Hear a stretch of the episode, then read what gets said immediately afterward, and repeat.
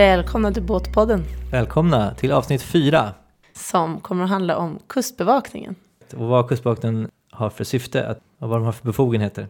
Personligen trodde jag till exempel att deras främsta syfte var tullfrågor. Och vi har ju faktiskt fått den här frågan av lyssnare också, att ta upp Kustbevakningen. Mm. För det är ju en, en myndighet som sjöfolk och båtfolk kommer i kontakt med. Dessutom så är det en intressant myndighet för att eh, den är politiskt prioriterad. Vi har sett det senast nu i november 2018 med övergångsregeringen eh, som är den tillfälliga regeringen tills den är vald efter valet 2018 som har prioriterat Kustbevakningen i sin budgetproposition.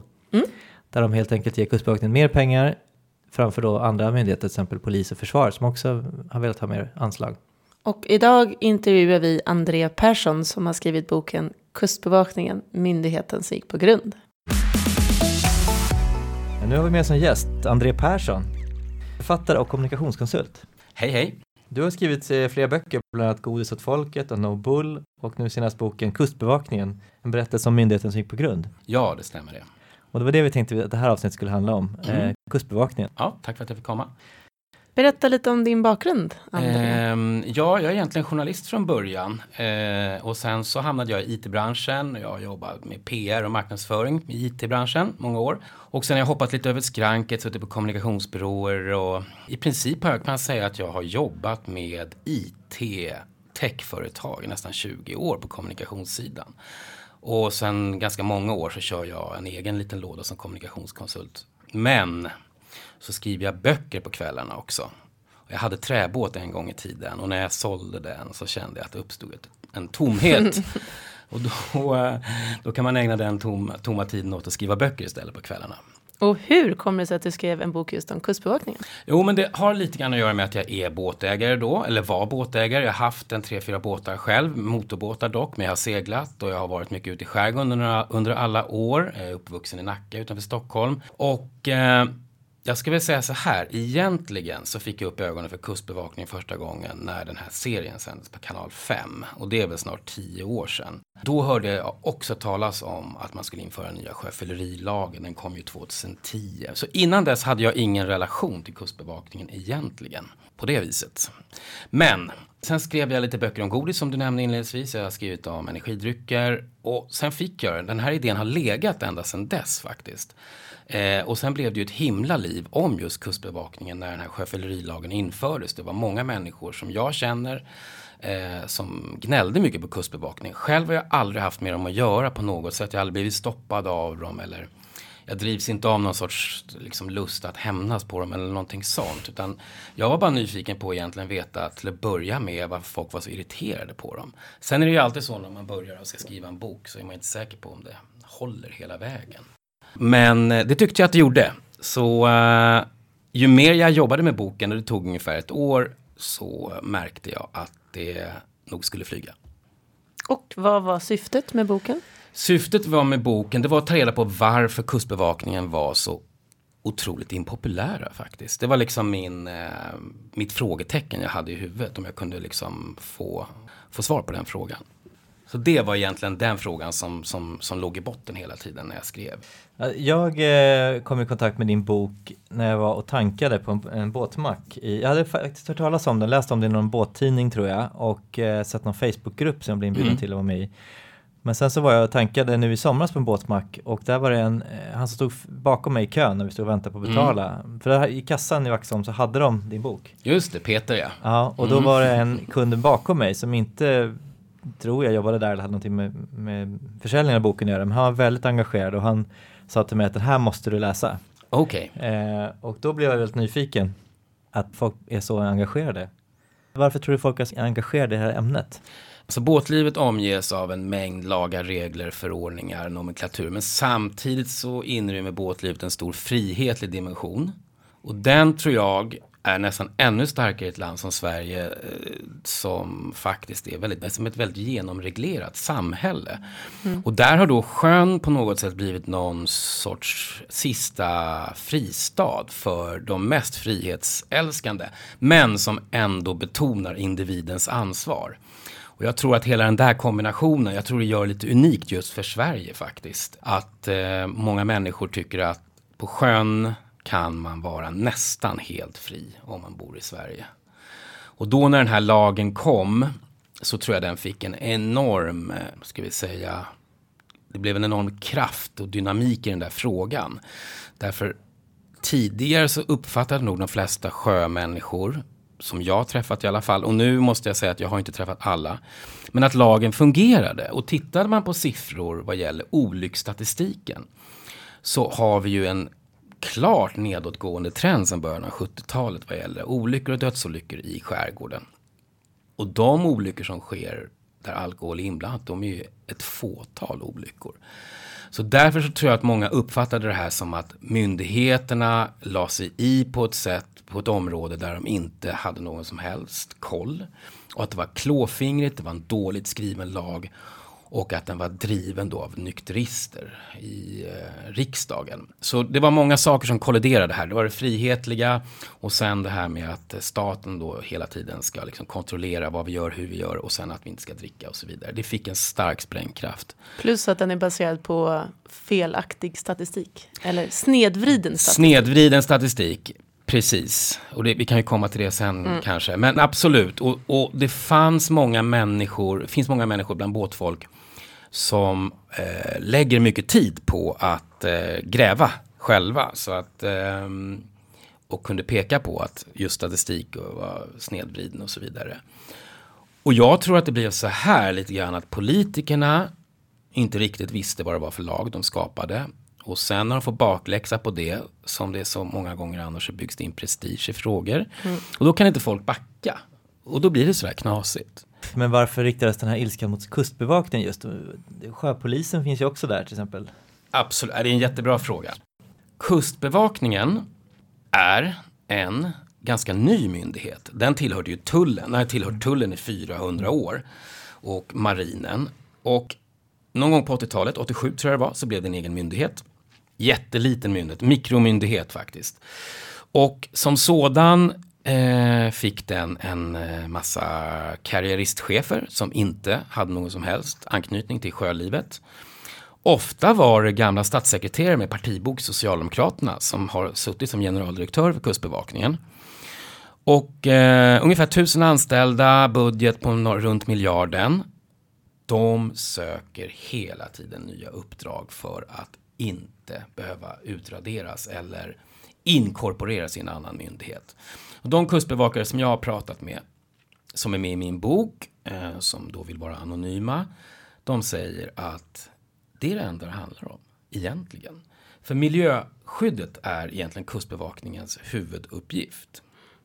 Men ju fler uppgifter de åtar sig, desto lättare blir det att äska pengar nästa år när du ska mm. prata med justitiedepartementet.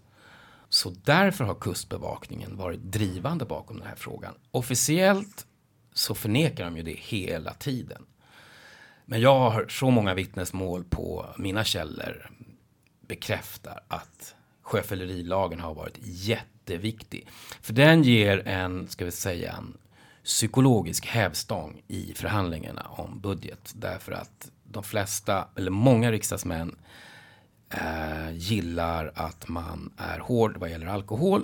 Och om Kustbevakningen kan visa att de gör ett bra jobb där och har bra statistik vad gäller um, eftersökningen av sjöfyllerister, då hamnar man i ett bra läge. Kustbevakningen har älskat den här lagen. Och det vet båtägare om.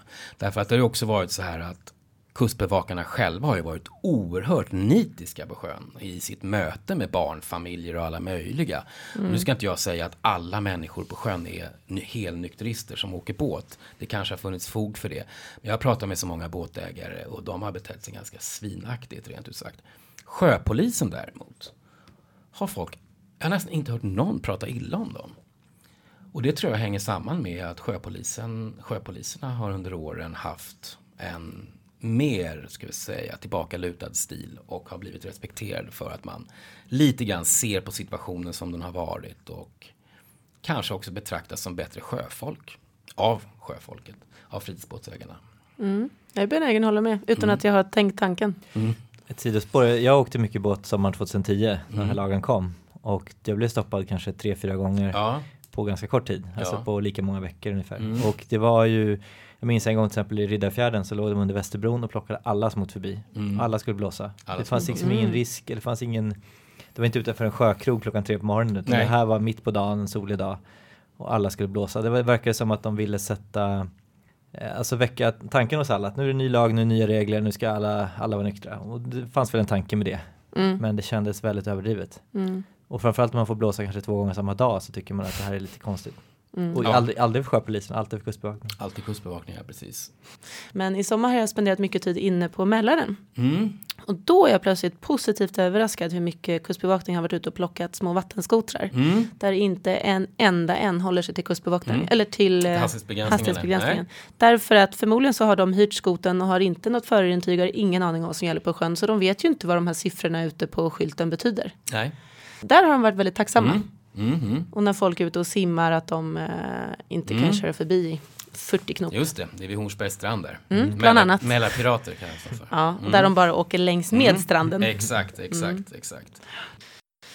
Du skriver i boken att Kustbevakningens centrala uppdrag är att vara en räddningstjänst för miljön. Mm. Eh, Det är det enda uppdrag som myndigheten har.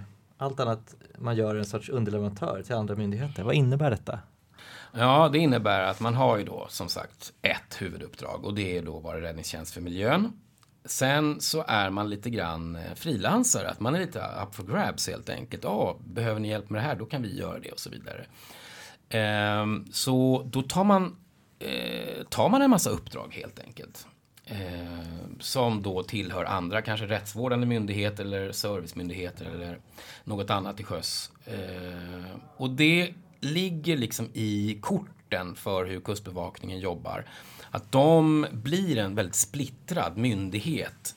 Ehm, de vill göra allt därför att de vill visa framfötterna och visa att de är väldigt, väldigt ehm, användbara. Och att de absolut inte ska uppgå i marinen eller i tullen. Det, det vore deras absolut största skräck. Du kallar Kustbevakningen en hybridmyndighet. Ja, är det precis. du menar? Exakt, det är en hybridmyndighet. Eh, jag har faktiskt inte riktigt sett något liknande någonstans. Nej. Vi pratade tidigare om den här tv-serien Kustbevakarna för Ja. ungefär tio år sedan. Eh, det var faktiskt den som fick upp mina ögon också för, Mm. för den myndigheten. Det som slog mig dock, den här tv-programmet skulle ju följa hela verksamheten men det var ju ganska mycket fokus på den här Kobra-gruppen som de kallar alltså de som åker runt och gör de här polisiära uppgifterna. Just det. Men det som jag slogs av det var när de tog till exempel sjöfyllerister Mm. så hade de inte så stor respekt för Kustbevakningen Nej. förrän polisen kom. Nej. För de var ofta så att de körde Mm. dem till land och väntade in polisen och Just så kom det. polisen, då lugnade de ner sig. Mm. Så det kändes som att det fanns ett problem där, att man hade då folk som gjorde uppgift men folk såg inte dem som hade befogenhet att ha det Nej, de hade. precis, precis. Det, det var genomgående tyckte jag varje Mm. avsnitt att de tog in, det var ju då fulla människor förstås, så de här kanske dåligt omdöme men, Mm, mm. men jag tyckte det var intressant att se ändå att du har några som gör ett polisiärt jobb, griper då folk som är Mm. berusade till exempel. Men de berusade människorna respekterar inte dem. Nej. Jag vet inte om du har reflekterat kring det? Jo, absolut. Det bygger ju också lite då på att Kustbevakningen ska ju då vara en rättsvårdande myndighet men de kan inte stänga loopen, de kan inte ta det hela, hela vägen, de kan inte göra en total förundersökning. Så om du blåser i båten och ger utslag, okej då ska du, då måste de kontakta polisen. Och jag tror att det här undergräver deras auktoritet lite grann. Och är folk då lite berusade och då kanske de säger saker, då har man inte riktigt samma respekt för dem. Sen vet jag inte heller om det kanske är så att de, det är för att de var illa omtyckta. Och jag vågar inte riktigt säga om de var illa omtyckta före nya sjöfyllerilagen. För jag hade egentligen personligen inte, och jag hörde nästan aldrig talas om ehm, kustbevakningen i några sådana situationer. Så jag, det är kanske så att mitt minne sviker mig, men det känns inte så i alla fall. Men ehm, det kan vara en kombination av båda de här sakerna. Brist på respekt för att de inte kan utföra den här eh, polisiära uppgiften till 100% och eller att de är dåligt respekterade på grund av sitt beteende. Det kan vara så också. Ja, det var ju väldigt tydligt i tv-serien. Den här spelades in då innan Mm. sjöfyllerilagen kom och det. innan de fick utökade befogenheter. Men Mm. på den tiden kunde de inte ens göra utandningsprov utan de var ju tvungna det. att stå och vänta timvis ibland på polisen. Mm. Och polisen verkar inte alltid jättesugna heller kanske på att prioritera de larmen verkar det som. I och med att det tog så lång tid. Just det. Jag kan väl lägga till där då, när det gäller polisen och jag har ju intervjuat poliser i den här boken också. De gillar ju inte den här nya sjöfyllerilagen just på grund av de här sakerna som du beskriver då. att Okej, då ska vi liksom rycka ut här. Plus att då är det vi som ska stänga den här utredningen sen då. Har den inte gjorts ordentligt här borta då, och liksom då, av någon som inte är polisiärt utbildad, då blir det inte rättssäkert tycker poliserna. Och det blir en dålig utredning helt enkelt.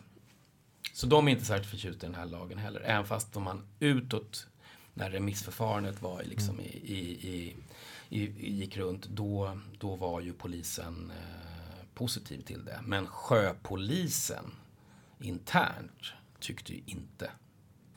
Jag pratade med en bekant som jobbar mm. i en båtförening. Mm. Och så som han uttryckte det så tycker sjöpolisen inte om det här därför att om det är knutet till något större brott mm. så kan kustbevakningen klampa ombord och förstöra bevis och förstöra utredningen. Just det, det är korrekt. De så kan, det är ytterligare precis, en anledning.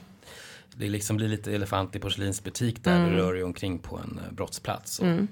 Dessutom skriver i boken att de här två myndigheterna har inte insyn i varandras rapporteringsverktyg eller sådär. Nej. Att de kan inte se varandras rapporter. Nej. Kan du berätta lite om det? Ja, jag blev lite förvånad när jag hörde det. Jag tänker att eh, ska ett personnummer då skulle det ge röd flaggor i alla system. Jag menar om man är då, jag menar sys syskonmyndigheter, man eh, rör sig i samma geografiska område, det är samma element, havet. Herregud, liksom 2018, ska det inte vara liksom, ska man inte kunna ha access då till olika system? Det verkar ju jättekonstigt. Eh, nej, tydligen inte. Eh, men det är ju bara när man skriver en sån här bok eller när jag skrev den här boken så tycker jag att det blir mer och mer uppenbart också att eh, eftersom det har att göra med andra myndigheter och departement och så vidare. Det här är ju bara ytterligare ett exempel på att vi faktiskt har en förvaltningskris i Sverige, tycker jag. Eh, så kanske är det så att kustbevakningen inte utmärker sig utan det är helt normalt. Det är lika dåligt där som någon annanstans. Så att man kanske inte ska bli för chockad heller. Jag vet inte. Men, men för mig, jag har ju aldrig jobbat i offentligt. Jag har ju varit i det privata näringslivet i hela mitt yrkesliv i mer än 20 år. Och så dåligt som det är på sina håll här, det, i min värld får ju folk sparken. Liksom. Mm. Men det mm. händer ju inte här. Du skriver också angående då organisationen att mm. Eh, de har haft fem generaldirektörer sedan mm. myndigheten bildades 88. Mm. Och den första var ju reservofficer från eh, flottan mm. i någon form. Och, mm. Men de övriga fyra som har varit sedan dess har mm. alla varit utan erfarenhet från den marina sektorn. Ja, precis. precis. Och hur kommer det sig tror du? Är det något som är generellt kanske alla myndigheter? Ja, eh, jag var inne lite grann på det där tidigare då. Jag kan säga så här att jag skriver ju om det här New Public Management i min bok. Och eh, då blir det, den, när man applicerar den styrelseformen på svenska myndigheter, då är det ju helt plötsligt viktigare att man, eh, vad ska vi säga, låter staberna växa. Kommunikation, HR, allt det där, det bara växer.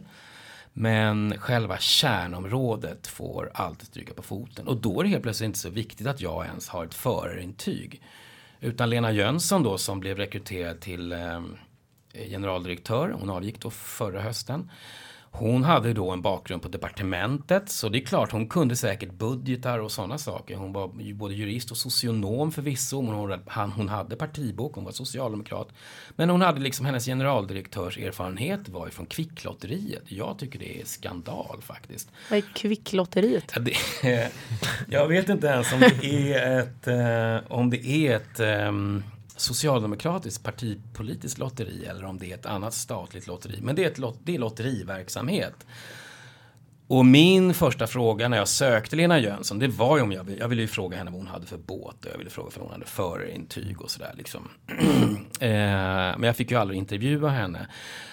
Men tittar man runt, jag intervjuade en professor i Uppsala som har skrivit mycket om New Public Management och, och det visade sig ju att han eh, hade kollat upp det här lite grann och att det där med att ha, ha erfarenhet från själva kärnområdet, det är inte så viktigt. Och då kan vi ju se på Dan Eliasson som blev rikspolischef. Han, han är förvisso jurist då, men han är ju liksom, han är ju gammal politruk också. Han kommer från Försäkringskassan, han kör departementsvägen, han är gammal statssekreterare till Thomas Bodström.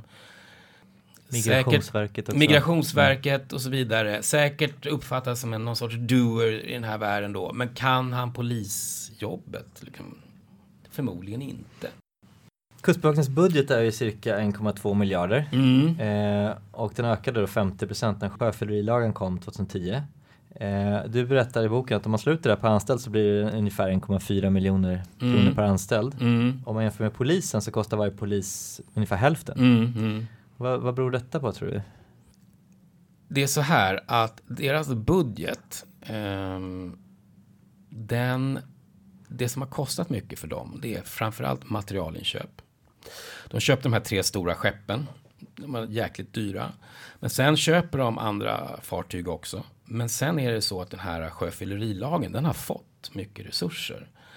Eh, sen är det så att i och med att kustbevakningen tar till sig nya arbetsuppgifter hela tiden så måste hela tiden personalen eh, kompetensutvecklas eller utbildas. Så det gör att det, blir, de blir dyra helt enkelt. de är ofta på utbildning. Och, också materiel, sjöfyllerilagen och eh, kontinuerlig kompetensutveckling på ett sätt som kanske inte drabbar polisen på samma sätt. Men polisen har ju ändå mycket bilar och polisstationer och häkten och Fast de kan få mängdrabatt på bilarna jämfört med tre stora fartyg. Det är sant, det, det, det har du helt rätt i naturligtvis. Eh, I alla fall om de sköt sina kort rätt i förhandlingarna så borde de få det.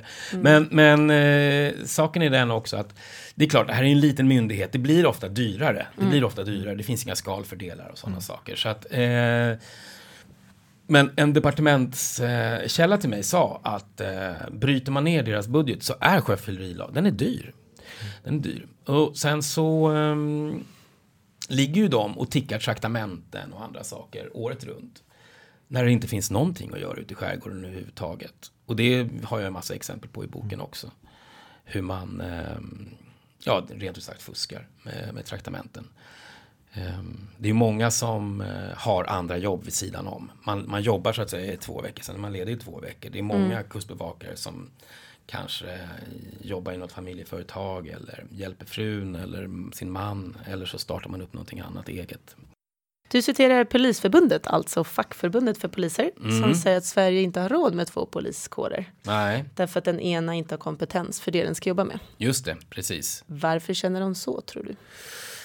Nej men det var precis som jag sa lite tidigare där att eh, det är massa poliser som gnäller på att de får in förundersökningar som inte håller och inte är rättssäkra. De får jobba om dem och det är en massa merarbete och det blir inte rätt. Det blir en massa merarbete och det är inte rättssäkert.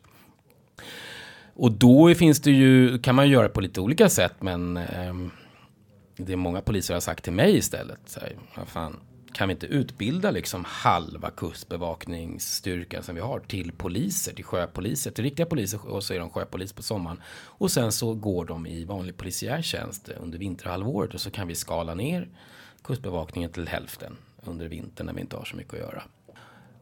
Och då skulle ju de så att säga kunna göra de här äh, förundersökningarna från ax till limpa och så skulle det liksom vara rätt säkert och se helt OK ut. Man skulle liksom kunna ta det till en åklagare och känna att ja, men det här är ju ändå solitt genomarbetat, det funkar. Ehm, vad hon menar, jag tror det var en kvinna då som var ordförande Polisförbundet. Hon har ju fått en massa eh, då, synpunkter från sina medlemmar då de säger att eh, det är dubbelarbete, det är inte rättssäkert och det skapar dålig stämning. Ja. Dessutom verkar det finnas fler kustbevakare än sjöpoliser. Till exempel i Stockholm så nämner du någonstans siffran 100 kustbevakare i Stockholm och 60 sjöpoliser. Just det, precis. Och det är ju ett resultat av att eh, Kustbevakningen får mer resurser. Och då har jag pratat med sjöpoliser som liksom Ja, men de är kanske ute på sjön eh, halva tiden även på sommaren och så gör de lite andra utredningsjobb som kanske har någon sorts marin anknytning. Eh, till exempel utombordsstölder eller något liknande. Men du sitter ofta vid ett skrivbord och du är liksom inte ute på fältet därför att det inte är efterfrågat. Så det, det är som en logisk följd av att Kustbevakningen då har eh, fått större manöverutrymme helt enkelt. Kustbevakningen har även fått kritik för en del av sina upphandlingar. Mm, Bland annat i Uppdrag granskning Mm. 2011. mm. Kan du berätta lite om dem? Ja, ehm, det handlade ju framförallt om de här Triton-båtarna nu. Ska vi se så jag minns det här rätt eh, faktiskt. Ehm, för de är ju byggda på ett varv i Rumänien.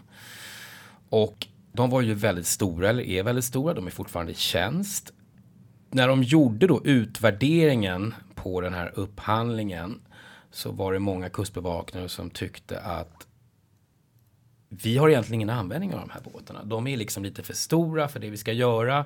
Men viktigast av allt, vi har ju inte, om det skulle verkligen bli skarpt läge när vi ska använda de här båtarna i olika miljöoperationer, då har vi liksom inte kompetens att, att sköta dem. Så det är som att köpa en, eh, ett fordon eller en farkost och inte riktigt ha kompetens att liksom optimalt få mm. ut det liksom 100% ur, det här, mm. ur den här eh, produkten. Våra nordiska grannländer, mm. eh, framförallt då Danmark och Norge och Finland, eh, har ju lite annan organisation av motsvarande myndigheter. Mm. Du skriver lite i boken om det, att de gör, alla länder gör lite olika. Ja. Men ingen gör som i Sverige, eller? Eh, de flesta länder så brukar eh, kustbevakningen antingen ligga under marinen eller tullen. Eh, eller så ligger de liksom under både marinen och tullen. Men de är ju, eh, de är ju liksom, det är ju en försvars, det är ju en del av en försvarsgren, marinen då, liksom rent, ska vi säga, praktiskt. Men idag så är den ju helt egen myndighet och jag tror att det är så här att i de andra länderna eh, så har man inte sett nyttan av att bryta loss sin kustbevakning. Därför kustbevakningen är mycket mindre än vad liksom, den militära marinen är och eh, så är det klart, man kan ju kanske ligga och ha lika, lika stor flotta som tullen har. Det beror på hur man organiserar det rent juridiskt tekniskt kanske. Men, men det blir, det blir liksom det blir dyrt helt enkelt. Och det är, den, det är den förklaringen jag har fått när jag har pratat med de som förstår sig på hur man ska organisera upp olika vapengrenar och så vidare. Det finns egentligen ingenting som talar för att vi ska ha så pass små enskilda myndigheter överhuvudtaget alls. Om vi går och ser lite internt inom KBV. Mm. Eh, du beskriver en del sämre arbetsförhållanden. Mm. Kan du utveckla? Ja, precis. I och med att Kustbevakningen har haft ganska svaga generaldirektörer eh, med dålig förståelse för kärnverksamheten så har det då kunnat växa fram en informell sorts, ett informellt sorts ledargarnityr som gör lite som de vill. Det här har ju då också avspeglat sig i att Kustbevakningen har gjort flera stora personalundersökningar eh, som Previa då har utfört och jag har läst två av, såna där, av de där utredningarna och jag kan säga så här, hade jag varit på någon av de arbetsplatserna eller om jag till och med hade varit HR-chef, då hade jag fan svimmat. Jag har aldrig läst något liknande överhuvudtaget. Eh, att få finnas sådana arbetsplatser i Sverige idag är ju bedrövligt. Dessutom i tillägg att det är en statlig myndighet. Det, det, det är så dåligt att det får fortgå.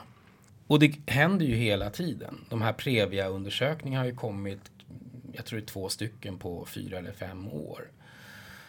Allting finns där för den som vill se. Om man är en seriöst yrkesarbetande människa i ledande position, då, då måste man ju ta sånt här på allvar. Annars så ska man ju bara lämna in sin bricka och gå hem. Vilken myndighet styr över Kustbevakningen och polisen? Är det justitiedepartementet eller vem ligger de under? De ligger under justitiedepartementet. Ja. För det ligger ju ett ansvar där också att de styr upp vem som gör vad. Ja. Kustbevakningen ska ju inte välja uppgifter själva utan det måste ju komma uppifrån direktiv vad de ska göra. Kustbevakningen har ju varit duktiga på att få då eh, departementens öra. När du har skrivit boken har det varit lätt att hitta personer att intervjua? Ja, det var faktiskt inte alls särskilt svårt. Jag hade sex stycken eh, hemliga källor, två stycken poliser och fyra stycken kustbevakare. Sen sökte jag Lena Jönsson, generaldirektören eh, och deras kommunikationschef tackade nej. Och hennes vägnar. Så henne fick jag inte prata med. Det kan jag, alltså rent personligen så har jag inte så mycket att säga om det. Men jag, jag måste säga så här. Om jag vore kommunikationschef på Kustbevakningen och det skrivs en bok på 400 år som granskar den myndigheten då känner jag att jag som kommunikationschef i alla fall skulle ha sagt till min generaldirektör och chef att kanske ändå ska vi fundera på att säga någonting. Liksom.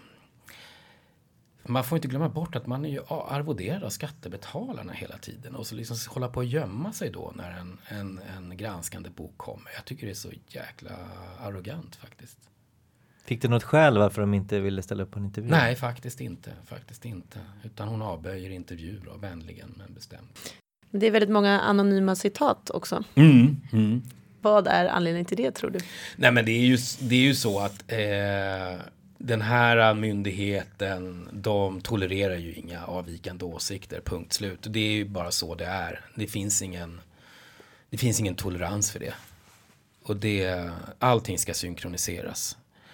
Så de här människorna som är med här, de, eh, ja, ja, de tar risker faktiskt, skulle jag vilja påstå. Men varför det... valde de att ställa upp då, de här anonyma källorna, om nu de riskerar en del? Ja, det svaret jag får, om jag ska liksom göra något sammanfattande svar, så är det väl ungefär någonting i stil med att de vill att sanningen ska komma fram. Liksom. Man får dåligt samvete också om det slösas, förslösas pengar. Och... Under arbetet, vad tyckte du var mest anmärkningsvärt med Kustbevakningen? Eh, jag trodde faktiskt inte att det skulle vara så sådär eh, småkorrupt som det faktiskt var. Och det förvånade faktiskt mig. Så jag blev en illusion fattigare. Jag trodde nog ändå att Sverige hade liksom en ja, fungerande myndighet på det här området. Jag tänkte sådär, lite gnissel är det väl kanske överallt. Jag menar, du hittar nog ingen perfekt organisation så, utan det finns väl alltid saker att jobba med. Men att det skulle vara på det här viset, det, mm, det tycker jag, det förvånade mig.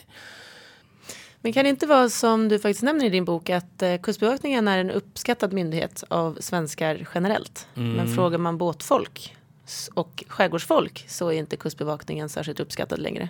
Precis, därför det, tänker man så här, vi som då bor så här vid kusterna så tänker man så här, folk bor ju faktiskt också inne i landet. Mm. Och, eh, då, men då kanske det är så att folk i Ljusdal kanske inte bryr sig ett skit om kustbevakningen. Det kan vara så att egentligen så kustmänniskor som är ute i sjön och sådär och träffar på kustbevakningen, de kanske är jäkligt missnöjda med kustbevakningen. De övriga tycker väl mer så här, ja men det är väl bra att de finns. Mm.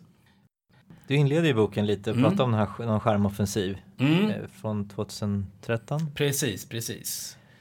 Berätta om den. Jo, det var ju Kenneth Nejnäs då. Han var med i tidningen Skärgården. Den kom ju ut här i, framförallt i Stockholmsområdet. Då var han ju inne på det här. Jag, jag har förstått att vi inte är så omtyckta eller någonting sånt där sa han. Att vi ligger och lurar i vassen. Men här är det också så intressant. Det är ju ett skolexempel på att man måste följa upp retorik med praktik. Därför året efter så genomförde de ju mer blåskontroller än året innan. Så vad då liksom? Och var ännu mer nitiska. Det var ju bara att följa statistiken och säga att ah, vi ska göra någon sorts skärmoffensiv och så bara lägger man i en högre växel ändå. Det fick mig och jag tyckte den var så intressant den historien. Kanske därför jag la den i början faktiskt. Därför att den visade också på att man också nu är så populärt. Man kan säga en sak ganska länge och så bara har man en helt annan liksom, verklighet där bakom. Hur har boken tagits emot? Den har tagits emot bra faktiskt. Nu har den sålt ungefär 2000 exemplar och det får väl ändå anses vara bra. Eh, men jag hade nog trott att den skulle kunna masa sig upp över 5000 exemplar. Har Kustbevakningen på något sätt kommenterat boken sedan den kom ut? Jag vill minnas att det var någonstans någon gång. Men det har ju liksom inte varit någon sån här, oj nu är den där boken på marknaden. Nej, det, det har inte varit någon sån här stor kommentar. Utan de har nog kört den här uh, strategin att liksom tiga ihjäl den. Du går igenom lite det här med partier och vad de tycker om Kustbevakningen. Mm. Finns mm. det något parti idag som vill lägga ner Kustbevakningen? Nej, det gör det inte. Uh, det gör det inte. Kustbevakningen skulle jag vilja påstå har nog ett uh, brett stöd i riksdagen. Däremot en del riksdagsledamöter eh, har jag haft mycket kontakt med som håller med eh, om en del saker i min bok. Men, men liksom, jag tror ingen är beredd att gå så långt som... Det blir som en icke-fråga för, för, för dem. Det här mm. är en, den, den, ligger så långt ner på dagordningen. Båtliv liksom. Det, vad tycker du man borde göra då? Om du, om du har fria händer? Nej men jag, jag fick faktiskt en bra, jag fick en bra idé där av en, eh, jag tror om han var kustbevakare eller om han var polis. Någon av mina källor i alla fall. Och den liksom, den tanken snodde jag lite grann för jag tyckte den var bra. Då skrev jag en debattartikel på det temat om att man skulle klyva kustbevakningen i två delar. Så att den ena delen uppgår i, i marinen Eh, båtar över en viss längd, 14 meter tror jag jag skrev eller någonting sånt. Och sen de som är under eh, går över till polisen. Så kan kustbevakningen ligga kvar i marinen men den blir mindre och sen de som har, liksom, håller på med de här polisiära uppgifterna, liksom, de uppgår i sjöpolisen och blir sjöpoliser. Så får polisen ett tillskott. Vi behöver ju dessutom poliser. Så att då, kan liksom, då har vi många människor som är ganska kort startsträcka då skulle man kunna sätta in på polisutbildning. Och då skulle vi säkert spara en massa pengar och eh, det skulle bli effektivare och så vidare. Hur gör man om man vill köpa din bok? Den finns på nätet. På Adlibris och Bokus och, och eh, jag vet att Akademibokhandeln har tagit in den men jag vet inte liksom hur länge om den finns kvar faktiskt på Akademibokhandeln. Stort tack för din medverkan André. Tack så mycket. Tack, tack för att jag fick komma. Så det här var Båtpodden om Kustbevakningen. Och framförallt om boken Kustbevakningen, eh, Myndigheten som gick på grund.